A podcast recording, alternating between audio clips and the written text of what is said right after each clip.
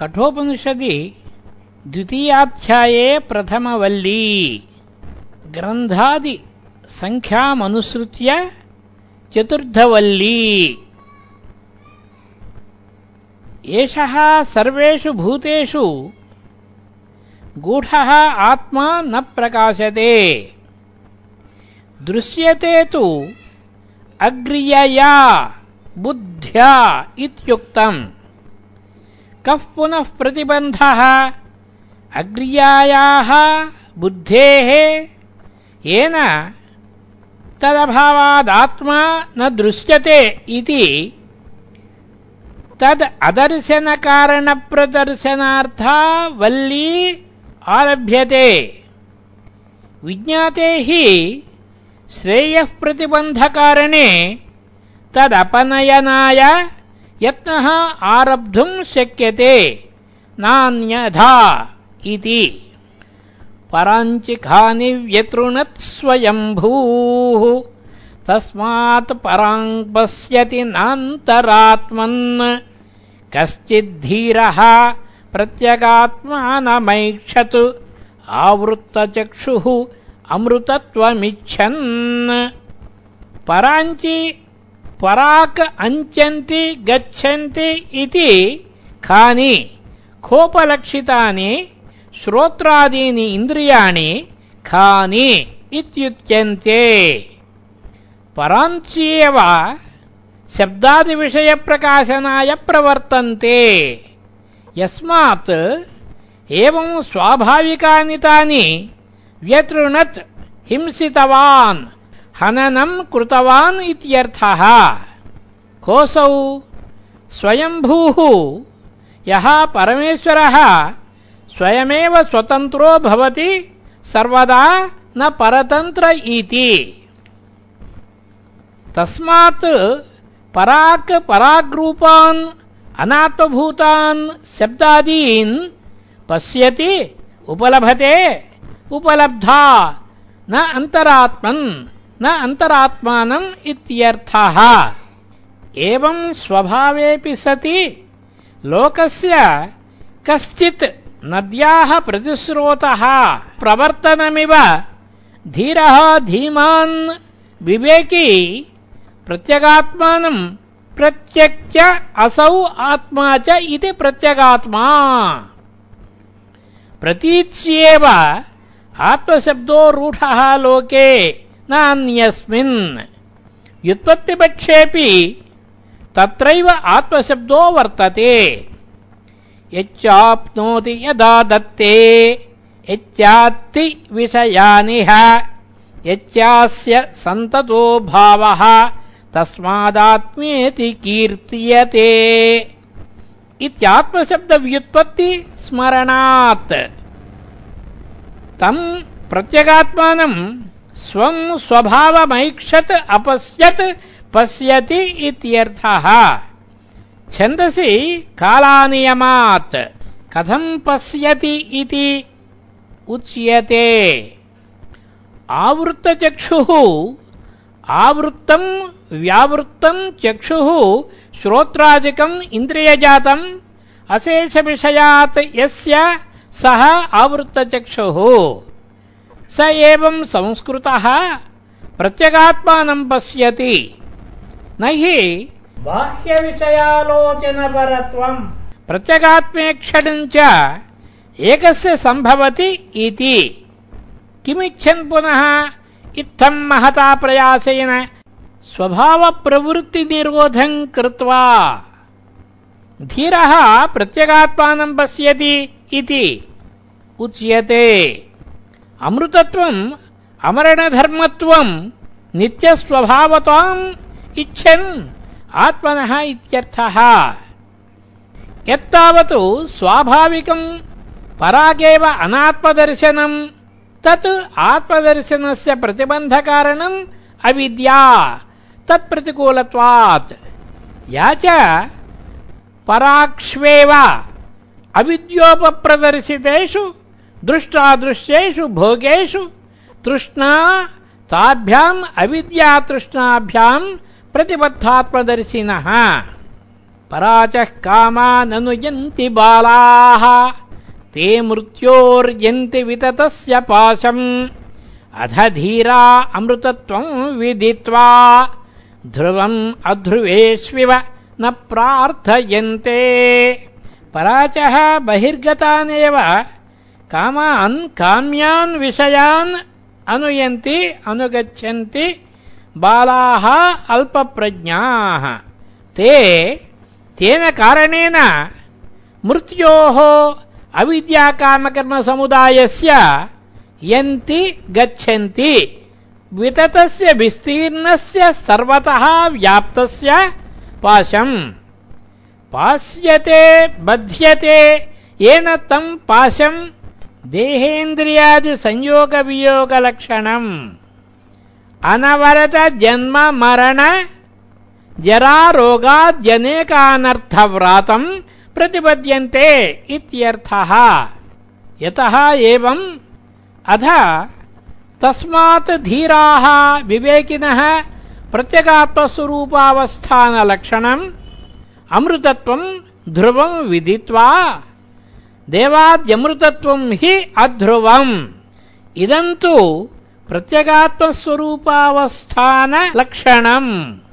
న కర్మణా వర్ధతే నోకనీయాన్. ఇది ధ్రువం. తదేవం భూతం కూటస్థం అవిచాల్యం అమృతత్వం విదిత్వా. అధ్రువేషు సర్వపదార్థేషు అనిత్యేషు నిర్ధార్య బ్రాహ్మణా इह संसारे अनर्थप्राये न प्रार्थयन्ते किञ्चिदपि। प्रत्यगात्मदर्शनप्रतिकूलत्वात् पुत्रवित्तलोकैषणाभ्यः व्युत्तिष्ठन्त्येव इत्यर्थः। यद्विज्ञानात् न किञ्चिदन्यत् प्रार्थयन्ते ब्राह्मणाः। कथम् तदधिगमः इति उच्यते। येन रूपम् रसम् गन्धम् शब्दान् स्पर्शांश्च मैथुनान्। एतेनैव विजानाति, किमत्र परिशिष्यते? एतद्वैतत्। येन विज्ञानस्वभावेन आत्मना रूपम् रसम् गन्धम् शब्दान्, स्पर्शांश्च मैथुनान्, मैथुननिमित्तान्, सुखप्रत्ययान् विजानाति विस्पष्टम् जानाति सर्वो लोकः ननु नैवम् प्रसिद्धिर्लोकस्य आत्मना देहादिविलक्षणेन अहम् विजानामि इति। देहादिसङ्घातः अहम् विजानामि इति तु सर्वो लोकः अवगच्छति न त्वेवम् देहादिसङ्घातस्यापि शब्दादिस्वरूपत्वाविशेषात् विज्ञेयत्वाविशेषाच्च न युक्तम् विज्ञातृत्वम्। यदि देहादिसङ्घातः रूपाद्यात्मकः सन् रूपादीन् विजानीयात् तदा बाह्यापि रूपादयः अन्योन्यम् स्वम् स्वम् रूपम् च विजानीयुः। न चैतदस्ति। तस्मात् देहादिलक्षणांश्च रूपादीन् एतेनैव देहादिव्यतिरिक्तेनैव विज्ञानस्वभावेन आत्मना विजानाति लोकः। यथा येन लौहो दहन् दहति सो अग्निरिति तद्वत्। आत्मनः अविज्ञेयम् किमत्र अस्मिन् लोके परिशिष्यते? न किञ्चित् परिशिष्यते। सर्वमेव तु आत्मना विज्ञेयम्। यस्य आत्मनः अविज्ञेयम् न किञ्चित् परिशिष्यते स आत्मा सर्वज्ञः। एतद्वै तत् किम् तत् यत् नचिकेतसा पृष्टम् देवादिभिरपि विचिकित्सितम् धर्मादिभ्यः अन्यत् विष्णोः परमम् पदम्। यस्मात् परम् नास्ति तत् वा एतदधिगतम् इत्यर्थः अतिसूक्ष्मत्वात् दुर्विज्ञेयमिति मत्वा एतमेवार्थम् पुनः पुनराह। स्वप्नान्तम् जागरितान्तम् च उभौ येनानुपश्यति महान्तम् विभुमात्मानम् मत्वा धीरो न शोचति। स्वप्नान्तम् स्वप्नमध्यम् स्वप्नविज्ञेयम् इत्यर्थः। तथा जागरितान्तम् जागरितमध्यम् जागरितविज्ञेयम् च उभौ स्वप्नजागरितान्तौ येन आत्मना अनुपश्यति लोक इति सर्वम् पूर्ववत्। तम् महान्तम् विभुम् आत्मानम् मत्वा अवगम्य आत्मभावेन साक्षात् अहमस्मि परमात्मा इति धीरः न शोचति। किञ्च य इमम् मध्वदम् वेद आत्मानम् जीवमन्तिकात् ईशानम् भूतभव्यस्य न ततो विजुगुप्सते एतद्वैतत्। यः कश्चित् इमम् मध्वदम् कर्मफलभुजम् जीवम् प्राणादिकलापस्य धारयितारम् आत्मानम् वेद विजानाति अन्तिकात् अन्तिके समीपे ईशानम् ईशितारम् भूतभव्यस्य कालत्रयस्य, ततः तद्विज्ञानात् ऊर्ध्वम् आत्मानम् न विजुगुप्सते, न गोपायितुम् इच्छति अभयप्राप्तत्वात्। यावद्धि भयमध्यस्थः, अनित्यम् आत्मानम् मन्यते, तावत् गोपायितुम् इच्छति आत्मानम् यदा तु नित्यम् अद्वैतम् आत्मानम् विजानाति तदा किम् कः कुतो वा गोपायितुम् इच्छेत्? एतद्वैतत् इति पूर्ववत्। यः प्रत्यगात्मेश्वरभावेन निर्दिष्टः स सर्वात्मा इत्येतत् दर्शयति। यः पूर्वम् तपसो जातम् अद्भ्यः पूर्वमजायत। गुहाम् प्रविश्य तिष्ठन्तम्। यो भूतेभिर्व्यपश्यत। एतद्वैतत्। यः कश्चित् मुमुक्षुः। पूर्वम् प्रथमम् तपसः ज्ञानादिलक्षणात् ब्रह्मण इत्येतत्। जातम् उत्पन्नम् हिरण्यगर्भम् किमपेक्ष्य पूर्वम् इत्याह अद्भ्यः पूर्वम् अप्सहितेभ्यः पञ्चभूतेभ्यः न केवलाभ्यः, अद्भ्यः इत्यभिप्रायः। अजायत उत्पन्नः। यः तम् प्रथमजम् देवादिशरीराण्युत्पाद्य सर्वप्राणिगुहाम् हृदयाकाशम् प्रविश्य तिष्ठन्तम् शब्दादीन् उपलभमानम् भूतेभिः भूतैः कार्यकारणलक्षणैः सह तिष्ठन्तम्। यः व्यपश्यत यः पश्यति इत्यर्थः। यः एवम् पश्यति सः एतदेव पश्यति यत् तत् प्रकृतम् ब्रह्म। किञ्च या प्राणेन सम्भवत्यदि तिर्देवतामयी गुहाम् प्रविश्य तिष्ठन्ति। या भूतेभिर्व्यजायत। एतद्वैतत्। या सर्वदेवतामयी, सर्वदेवात्मिका, प्राणेन हिरण्यगर्भरूपेण परस्मात् ब्रह्मणः सम्भवति। शब्दादीनाम् अदनात् अदितिः। ताम् पूर्ववत् गुहाम् प्रविश्य तिष्ठन्तीम्। अदितिम् तामेव विशिनष्टे या भूतेभिः भूतैः समन्विता वेजायत उत्पन्ना इत्येतत्। किञ्च अरण्योर्निहितो जातवेदाः, गर्भैव सुभृतो गर्भिणीभिः, दिवे दिवे ईड्यो जागृवद्भिः, हविष्मद्भिर्मनुष्येभिरग्निः एतद्वैतत् यः अधियज्ञम् उत्तराधरारण्योः निहितः, स्थितः, जातवेदाः अग्निः, पुनः सर्वहविषाम् भोक्ता अध्यात्मञ्च योगिभिः, गर्भैव गर्भिणीभिः, अन्तर्वत्नीभिः, अगरिहितान्न भोजनादिना अयम् यथा गर्भः, सुभृतः सुष्ठु सम्यक् भृतः लोके इत्थमेव ऋत्विग्भिः योगिभिश्च सुभृत इत्येतत्। किञ्च दिवे दिवे अहन्यहनि, ईड्यः स्तुत्यः वन्द्यश्च। कर्मिभिः योगिभिश्च अध्वरे हृदये च। जागृवद्भिः जागरणशीलैः अप्रमत्तैः इत्येतत्। हविष्मद्भिः, आद्यादिमद्भिः, ध्यानभावनावद्भिश्च मनुष्येभिः, मनुष्यैः, अग्निः एतद्वैतत्, तदेव प्रकृतम् ब्रह्म। किञ्च यतश्चोदेति सूर्यः अस्तम् यत्र जगच्छति तम् देवाः सर्वे अर्पितास्तदुनात्येति कश्चन एतद्वैतत्।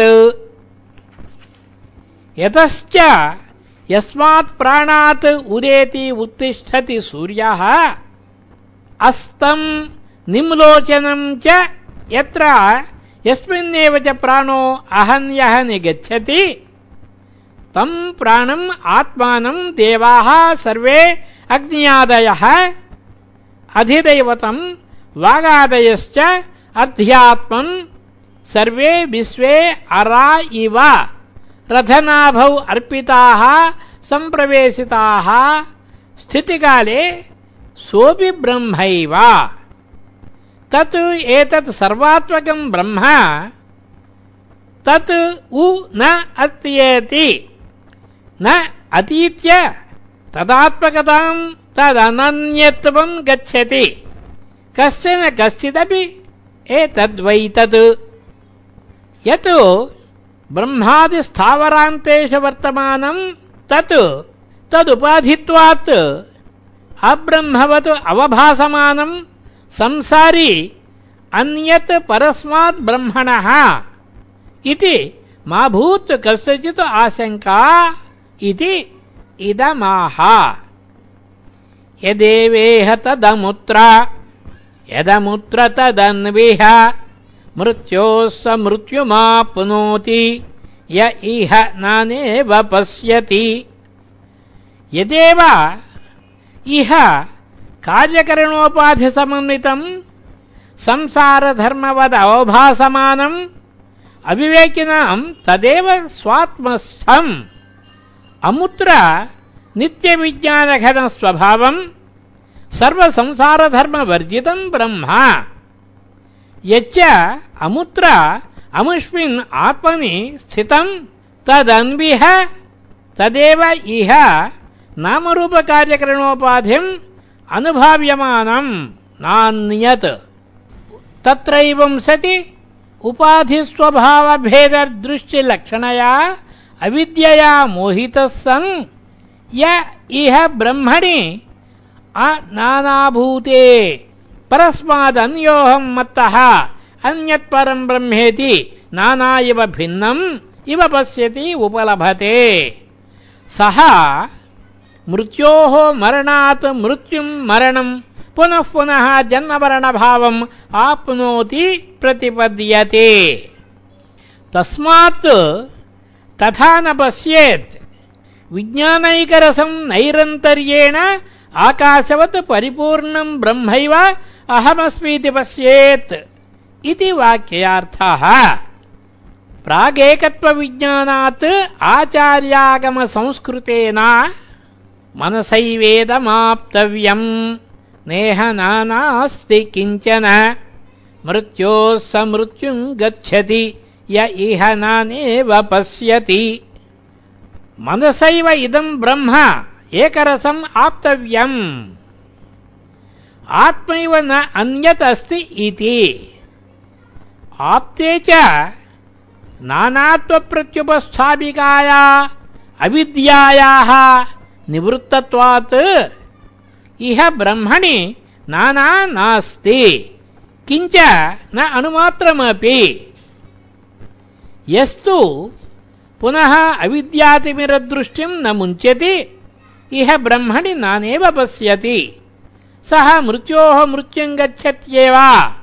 स्वल्पमपि भेदम् अध्यारोपयन् इत्यर्थः।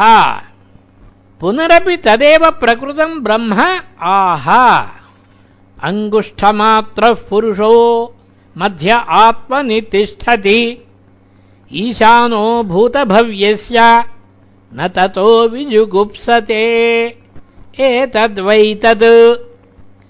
अङ्गुष्ठमात्रः अङ्गुष्ठपरिमाणः अङ्गुष्ठपरिमाणम् हृदयपुण्डरीकम् तच्छिद्रवर्त्यन्तःकरणोपाधिः अङ्गुष्ठमात्रः अङ्गुष्ठमात्रवंशपर्व मध्यवर्त्यम्बरवत् पुरुषः पूर्णम् अनेन सर्वम् इति मध्ये आत्मनि शरीरे तिष्ठति। यः तम् आत्मानम् ईशानम् भूतभव्यस्य विदित्वा न ततः विजुगुप्सते। एतद्वैतत् पूर्ववत्। किञ्च अङ्गुष्ठमात्रः पुरुषो द्योतिरिवाधूमकः ईशानो भूतभव्यस्य स एवाद्य स उस्व्यः एतद्वैतत्। अङ्गुष्ठमात्रः पुरुषः। ज्योतिरिव अधूमकः। अधूमकम् इति युक्तम् ज्योतिःपरत्वात्। यस्तु। एवं लक्षितः योगिभिः हृदये ईशानः भूतभव्यस्य स एव नित्यः, कूटस्थः। अद्य इदानीम् प्राणिषु वर्तमानः सः उ श्वोऽपि वर्तिष्यते। न अन्यः तत्समः। अन्यश्च जनिष्यते इत्यर्थः। अनेन नायमस्तीति चैके। इत्ययम् पक्षः न्यायतः अप्राप्तोऽपि स्ववचनेन श्रुत्या प्रत्युक्तः। तथा क्षणभङ्गवादश्च। पुनरपि भेददर्शनापवादम् ब्रह्मण आह। यथोदकम् दुर्गे पृष्टम् पर्वतेषु विधावति एवम् धर्मान् पृथक् पश्यन्, तानेवानुविधावति। यथा उदकम् दुर्गे दुर्गमे देशे उच्छ्रिते वृष्टम् सिक्तम् पर्वतेषु, पर्वतवत्सु, निम्नप्रदेशेषु विधावति। विकीर्णम् सत् विनश्यति। एवम् धर्मान् आत्मनः भिन्नान् पृथक् पश्यन्, पृथगेव प्रतिशरीरम् पश्यन्। तानेव शरीरभेदानुवर्तिनः अनुविधावति।